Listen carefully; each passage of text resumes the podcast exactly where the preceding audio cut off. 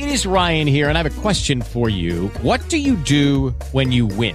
Like are you a fist pumper? a woohooer, a hand clapper, a high fiver. I kind of like the high five, but if you want to hone in on those winning moves, check out Chumba Casino. At ChumbaCasino.com, choose from hundreds of social casino style games for your chance to redeem serious cash prizes. There are new game releases weekly, plus free daily bonuses. So don't wait. Start having the most fun ever at ChumbaCasino.com. No purchase necessary. BGW. Void were prohibited by law. See terms and conditions. 18 plus. Welkom by Podletiek.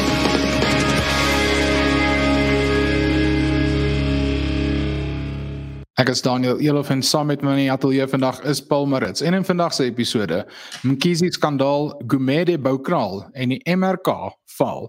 Nou kom ons dan ons hierdie week se politiek en ons skop af met ons eerste storie en dis 'n lekker kraakvars storie natuurlik. En dit is die groot digital vibe skandaal met die voormalige minister van gesondheid Zweli Mkhize. Paul, jy begin vir ons en skop hierdie lekker gesprek af. Ja, Daniel, ek wil begin met die bekende woorde uit Eugene Maree se gedig Skoppenspoor waar hy sê gewis is alles net 'n grap, ons speel in die komedie mee. Ek ek kan nie glo dat hierdie realisties en dat dit ernstig is nie. Net om weer konteks te skep.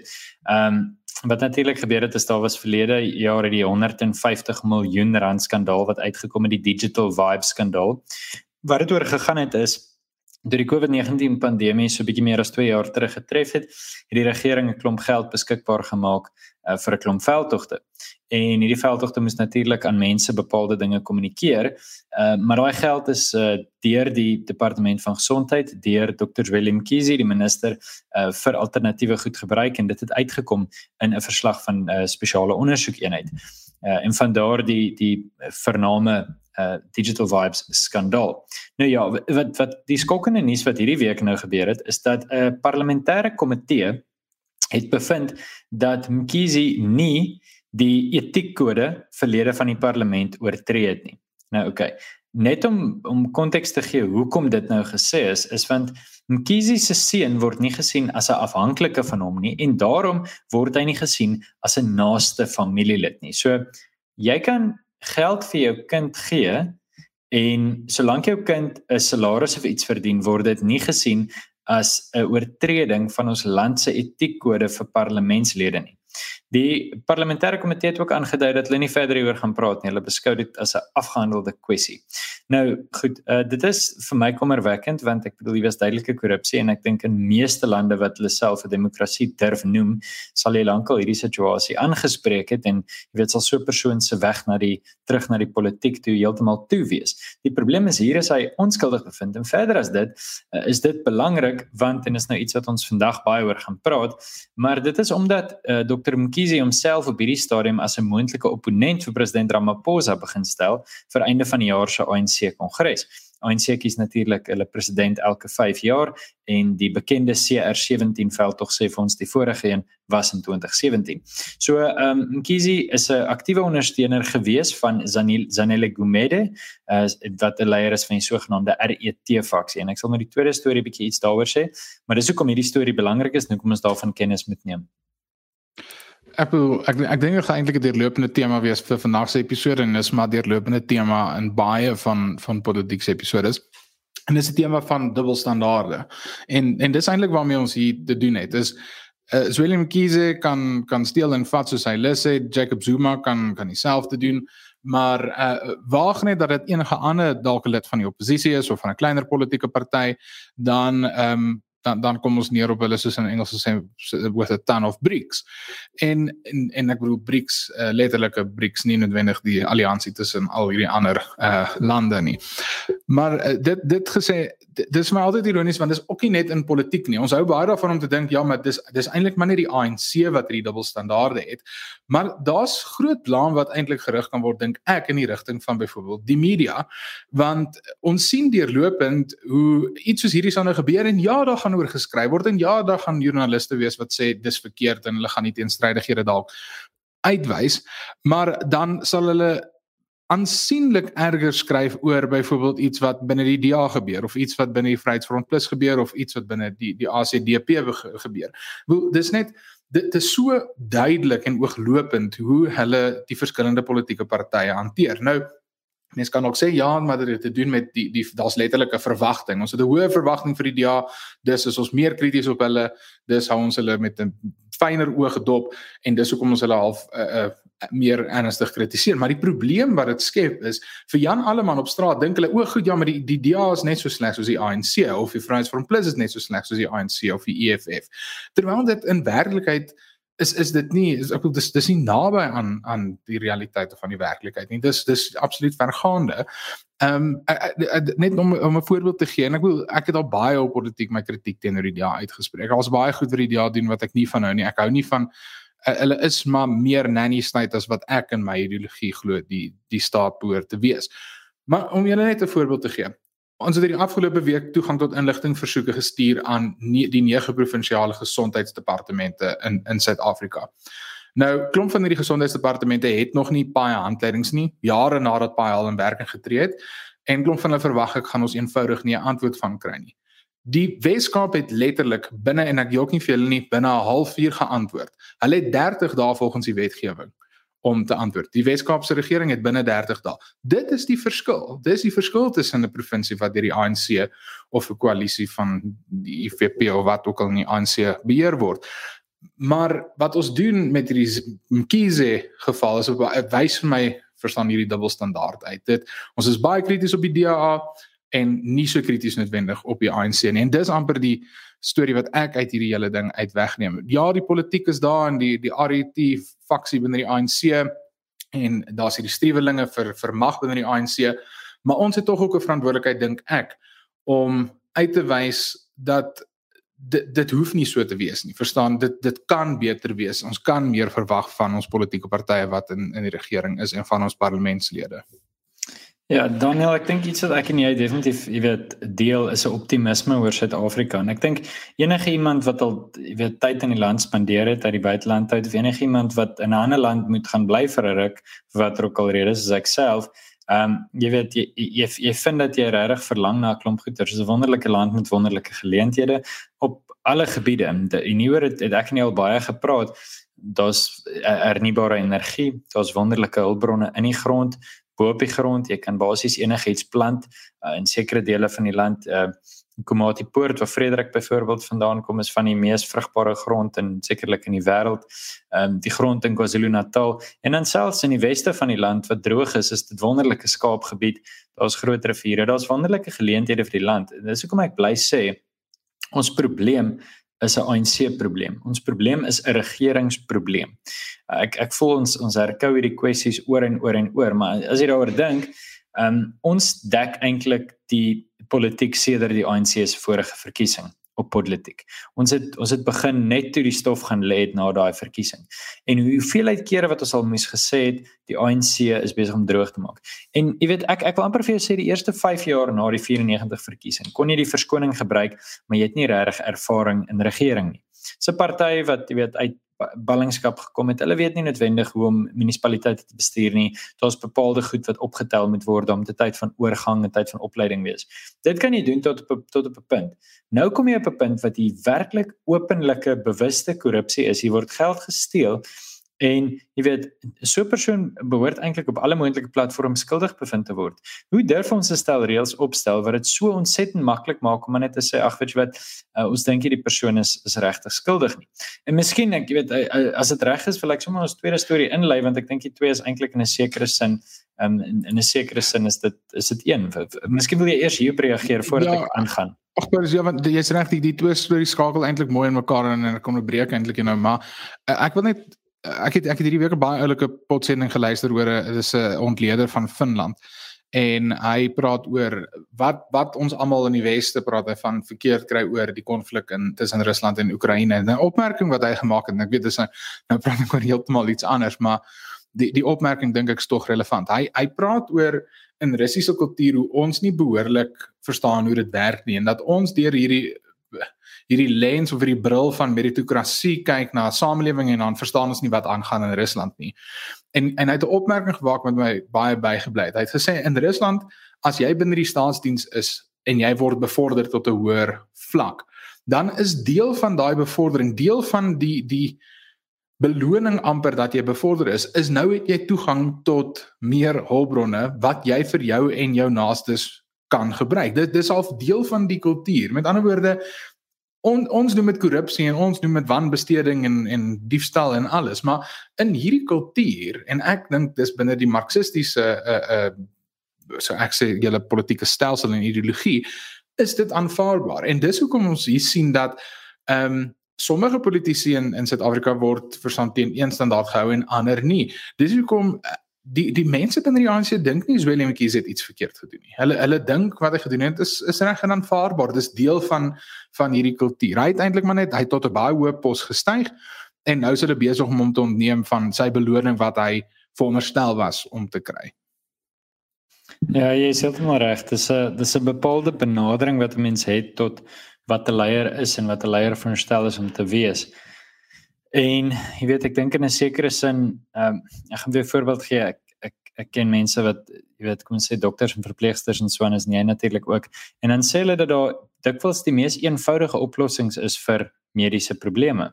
Ietsie soos HIV is daar hoeveel maniere om dit te voorkom, maar daar's gewoon nie opleiding nie. Mense glo is nog steeds bygelowig, weet nog steeds nie van die voorbeelde wat beskikbaar is nie. Ek dink in 'n sekere sin is dit dieselfde wat die politiek betref. Ek dink om in 'n demokratiese bestel te woon voorveronderstel 'n baie hoë vlak van van inligting verbruik. Dit help nie jy toegang tot inligting en jy kan vrylik jou mening spreek maar 80% van die bevolking lees nooit nuus nie en gee nie regtig om nie en kry hulle nuus by die by die plaaslike ANC organiseerder of luister net 'n radiostasie wat duidelik geïnfiltreer is om 'n bepaalde boodskap te gee. Ehm um, en en miskien, jy weet, is dit 'n goeie punt om te spring na ons volgende storie toe want ek dink dit is miskien die uitloper daarvan. So, uh Zanele Gumede, Zandile Gumede, sy is die voormalige burgemeester van eThekwini se stadsraad, dis die stadsraad van Durban. Ehm um, sy is hierdie naweek Sondag verkies tot leier van die ANC se streekstak in eThekwini in in die Durban area. Nou goed, ehm um, sy sal in Julie vanjaar sal sy in die hof verskyn op meer as 2700 aanklagtes rakende 'n tender oor vullisverwydering en hier's korrupsie van meer as 340 miljoen rand ter sprake. Wat die verkiesing interessant maak waar sy verkies is, is die feit dat KwaZulu-Natal natuurlik omdat hulle 'n klomp mense het, het hulle ook 'n klomp ANC-lede. So hulle stuur 'n baie groot hoeveelheid uh, afgevaardigdes, die Engels daarvoor is delegates, na die ANC se verkiesing aan die einde van die jaar. En daai groepe stem gewoonlik soos een man. So dis eintlik effektief 9 stemme van verskillende groottes, maar hierdie is een van die grootstes. So dis 'n baie belangrike verkiesing vir die Ramaphosa faksie wil mens amper sê om te verloor. En as uh Zweli Mkhize byvoorbeeld homself as 'n leier sien om teen president Ramaphosa te staan, en hy het die ondersteuning van genoeg uh ANC afgevaardigdes, dan kan ons 'n situasie sien waar hy president Ramaphosa vervang. Nou ek meen om om president Ramaphosa te te uh uh hoe kan ek sê uitmekaar uit te trek op wat hy doen. Dis een van ons stokperdjies natuurlik op politiek. Maar ek sal die eerste een wees om te sê ek verkies hom bo iemand soos hierdie. Ehm uh, jy weet so daar's miskien baie om te maak hier van miskien is dit nog bietjie vroeg om te praat oor waantoe die ANC op pad is maar dit is definitief 'n belangrike moment gewees in die opbou na die 2022 verkiesing toe. Daar is natuurlik 'n argument om te maak dat dit beter sou wees as iemand soos Willem Kiese ehm um, verstaan aan aan bewind kom of aan die stuur kom van die ANC. Ehm um, en en dis eenvoudig dat dit versnel net die proses dat die ANC op jou en uit uit mag uit gaan kom.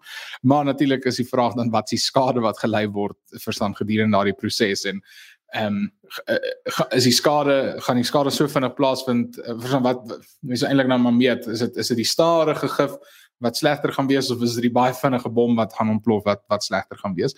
Ehm um, maar ek dink daar is daar is tog iets te sê vir dit want ek wil die punt is ons het nou gekom waar ons is te danke aan die ANC wat net absoluut useless was die afgelope ek sê 15 dalk selfs bietjie meer jaar maar ten minste vir die afgelope 15 jaar regtig reg useless is en so useless dat die Suid-Afrikaanse bevolking dit raak sien en en dis wat die verskil maak. Want ek wil die punt is as hulle 'n okayerige job doen dan gaan dan gaan mense nie noodwendig so vinnig van hulle wil ontslaa raak nie, maar dis regtig oor dat Slangate het so sleg geword en straatligte wat stikkend is het so sleg geword en munisipale dienste het so sleg geword dat ons die verandering in die 2016 uh plaaslike regeringsverkiesing en die 20 wat dit dan 20 plaaslike regeringsverkiesing gesien het 2021 plaaslike regeringsverkiesing gesien het. So daar daar's dalk 'n argument om te maak daaroor.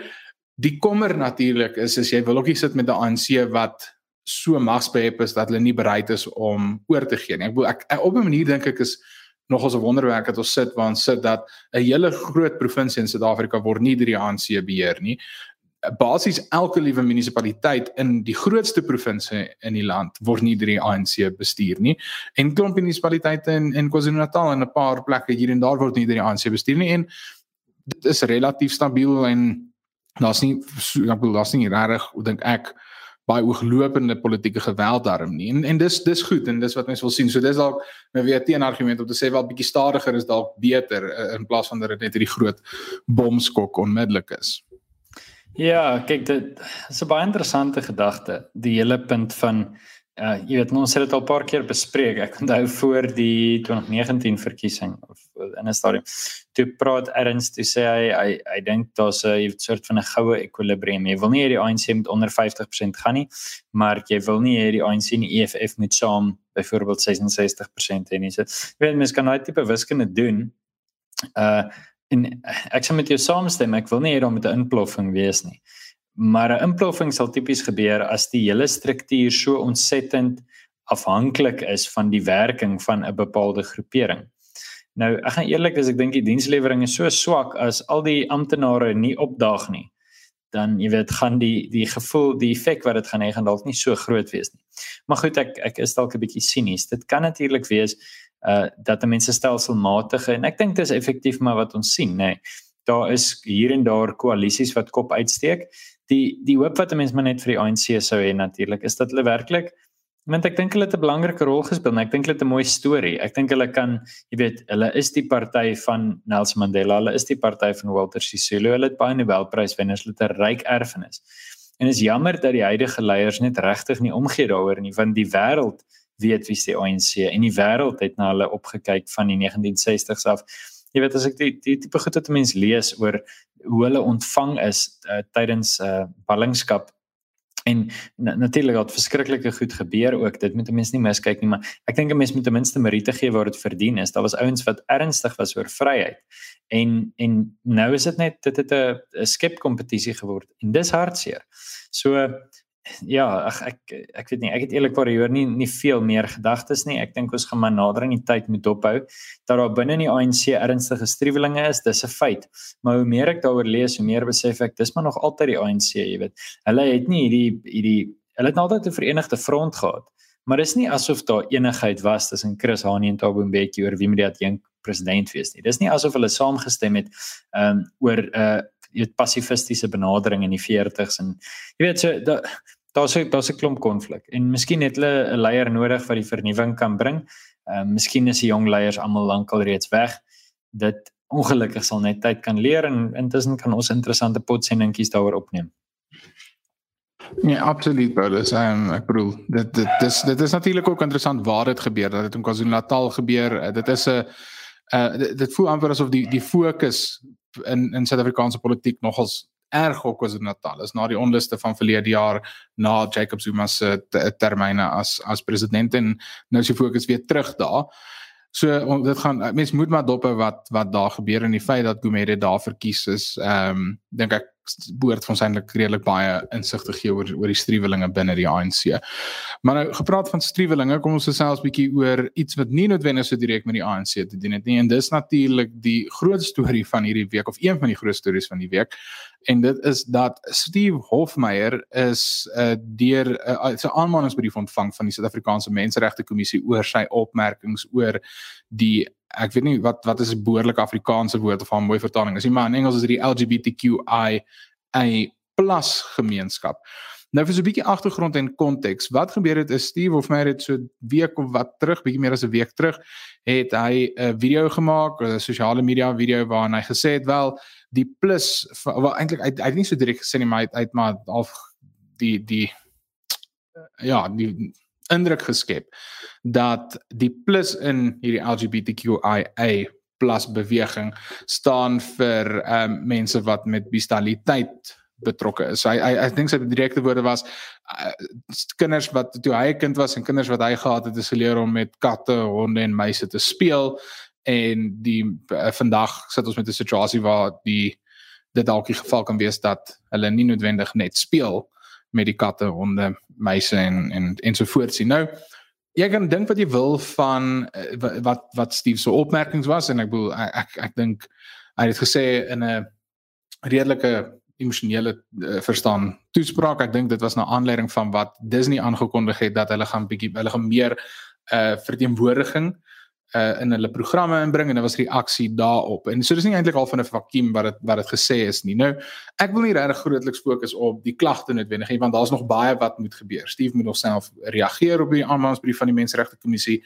Ehm um, en en daar's eintlik maar nog baie versam water wat onder hierdie brug moet loop. Wat ek eerder wil fokus is die Menseregte Kommissie wat nou agter hierdie bepaalde wat hulle sou sê 'n probleem is aangaan. On, ons sit in 'n land waar die leier van die derde grootste politieke party sê kill the boer shoot the farmer geweer uh uh verstaan geweertjies met sy hande namaak en ehm um, daaroor hoor ons niks van van die Menseregte Kommissie nie ons sit in 'n land waar die die die einste selfde Julius Malema het al gesê I'm not calling for the killing of white people yet op het twee of drie keer gesê en die menseregte kommissie het 'n bevinding gemaak. Hulle het hulle het dit ondersoek en hulle het gesê nee, dit is nie enigstens haatspraak nie. Dis glad nie vir hulle problematies dat Julius Malema dit sê nie. Want daagliks op 'n daaglikse basis sien mense hierdie hierdie haat wat op sosiale media uh vertoon word, maar die menseregte kommissie doen niks daaraan nie. En dit is vir my net interessant dat hulle hierop fokus. Uh hulle hulle doen 'n vat 'n jaar om 'n ondersoek te doen oor 'n uh, matriek uh, uh wat mense matriek afskeid wat by Hoërskool Brackenfell gebeur het.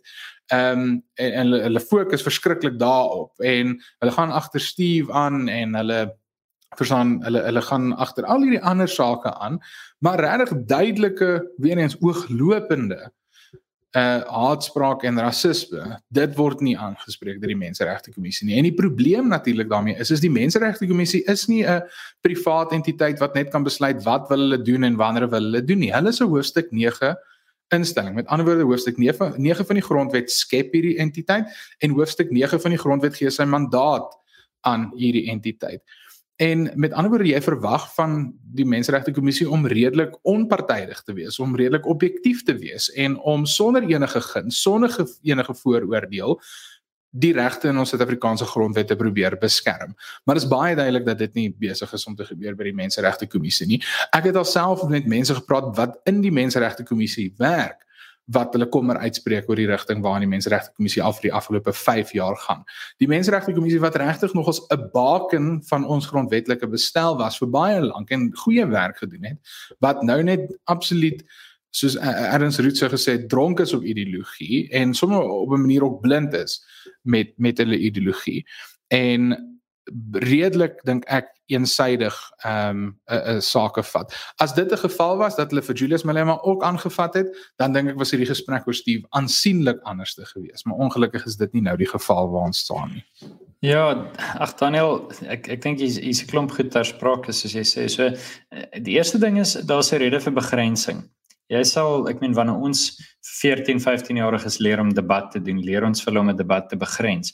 Ons sê vir hulle uh jy weet jy moet vir ons sê praat ons oor Suid-Afrika, praat ons oor die wêreld, praat ons oor jy weet wat doen ons. En die uitdaging in hierdie stadium is wanneer ons propageer en dit is wat op hierdie stadium in in baie oorde gebeur wanneer ons propageer dat daar 'n uh, oneindige hoeveelheid aanvaarbare seksualiteite is dan is 'n oneindige sou 'n klomp goed insluit En so ek jy weet miskien is daar iemand van die LGBT gemeenskap wat bereid is met ons te kom praat en vir ons te kom sê ehm um, jy weet is daar is daar bepaalde grense? Sonder grense kan jy nie regtig enige vorm van seksuele voorkeur uitsluit nie. Ons weet histories oor die afgelope hoeveel millennia dat daar baie keer gevalle is van mense wat uh, seksuele omgang het met diere word dit as jy weet is dit is dit iets wat oorhoofs deur die gemeenskap as as vieslik gesien en as afskuwelik beskou word? Jy weet en dis dalk dit het nie 'n noodwendige insmerite in die gesprek nie. Die punt is maar net is belangrik om daai grense te trek want dan kan jy sê hoorie hierdie is 'n sinnelose opmerking van Steve of my hy mag dit nie sê nie. Maar in hierdie stadium is daar nie 'n begrensing nie. In hierdie stadium word ons gesê maar daar is 'n on, on 'n 'n uh, uh, jy weet 'n grenslose hoeveelheid aanvaarbare seksualiteite en dan wil ek vra goed maar wat is grensloos? Wat beteken dit vir jou? Waar stop dit? En kom ons voer daai gesprek want ek kan nie 'n gesprek voer met jy weet sonder vaste grond nie. En dis wat grense vir mense gee. So ek dink dit in terme daarvan ehm um, dit sou belangrik wees om dit uit te pleis en dalk is dit 'n onredelike versoek dan dan is dit so en dan aanvaar ek dit. Ek dink in terme van die menseregte kommissie ek weet nie hoeveel suid-afrikaners weet wie hulle is nie en ek weet nie hoeveel mense vat hulle regtig ernstig nie Ehm um, as jy op 'n punt kom wat jy weet jy jou primêre mandaat absoluut net versaak en nie omgee daaroor nie ten einde soos jy sê media te soek wat op aarde is jou rol? Ek het al 'n paar keer op politiek die storie vertel hoe ek voor die menseregte kommissie moes gaan verduidelik oor praktyke ontgroeningspraktyke en ek het daar aangekom en hulle het vir my middagete gegee en vir my gesê skus niemand van jou paneel het opgedaag nie jy kan maar terugry potch toe jy weet dis my ervaring met die menseregte kommissie en ek was 21 jaar oud.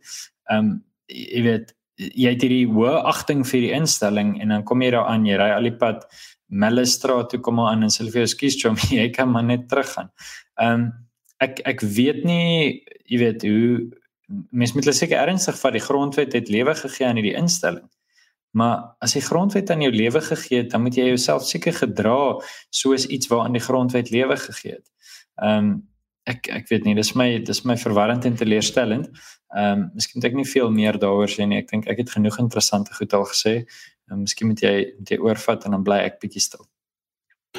Nee, ek bedoel ek dink ons ons deel deel presies dieselfde selfe sentiment oor hierdie. Dis dis amper ons is teleurgestel in in wat die menseregte kommissie geword het, veral oor dat hy redelik belowende doelwitte het en en goed, ek dink veronderstel as die menseregte kommissie se mandaat is goed as mens net objektief daarna kyk maar ongelukkig weer en soos baie goed in Suid-Afrika se praktyk net net eenvoudig heeltemal iets anders en en nie dieselfde nie. Maar ja, um, ons ons hou hierdie storie dop. Ons gaan ook kyk natuurlik uh, hoe dit uitdraai en dan dan sal ons waarskynlik weer 'n bietjie later daar praat want soos wat dit ons maar met alle goeie hofsaake gaan gaan die ding gaan ons waarskynlik oor 'n jaar nog later daaroor praat voordat dit ehm um, uiteindelik klaar is. Ek onthou ons het aan die begin van politiek gepraat oor Eben Etzebeth se se uh bekleeding met die menseregte kommissie en hy's so stil stil. Ek dink is vroeër van jare verlede jaar toe die menseregte kommissie toe begin van ja, daar daar was toe nou geen geen probleem nie. Dis ook natuurlik die ding wat altyd met die menseregte kommissie gebeur is. Dis 'n ongelooflike groot storie dit ontplof absoluut en is op die voorblaai van al wat 'n koerant is wanneer die menseregte kommissie daai eerste aanmaningsbrief stuur maar dit gaan die die uiteinde van die storie of wanneer die baie keer wanneer die beskuldigde persoon dan nou onskuldig bevind word dan geniet dit nie naaste by dieselfde hoeveelheid media blootstelling en aandag as wat die aankondiging geniet het nie. Dit het gebeur met Brackenfell dit het gebeur met Eben Etzebeth.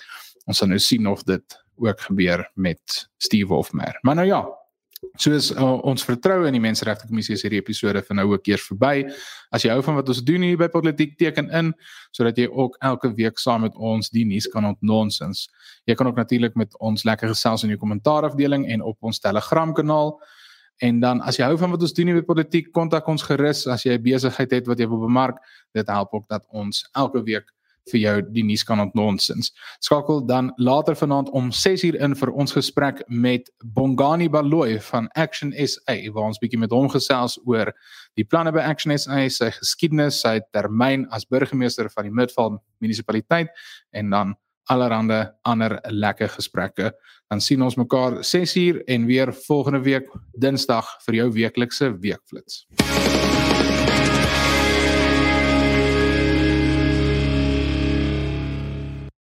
Lucky Land Casino asking people what's the weirdest place you've gotten lucky? Lucky? In line at the deli, I guess? Aha, in my dentist's office. More than once, actually. Do I have to say? Yes, you do. In the car before my kids' PTA meeting. Really? Yes. Excuse me, what's the weirdest place you've gotten lucky? I never win and tell. Well, there you have it. You can get lucky anywhere playing at LuckyLandSlots.com. Play for free right now. Are you feeling lucky? No purchase necessary. Void where prohibited by law. 18 plus. Terms and conditions apply. See website for details.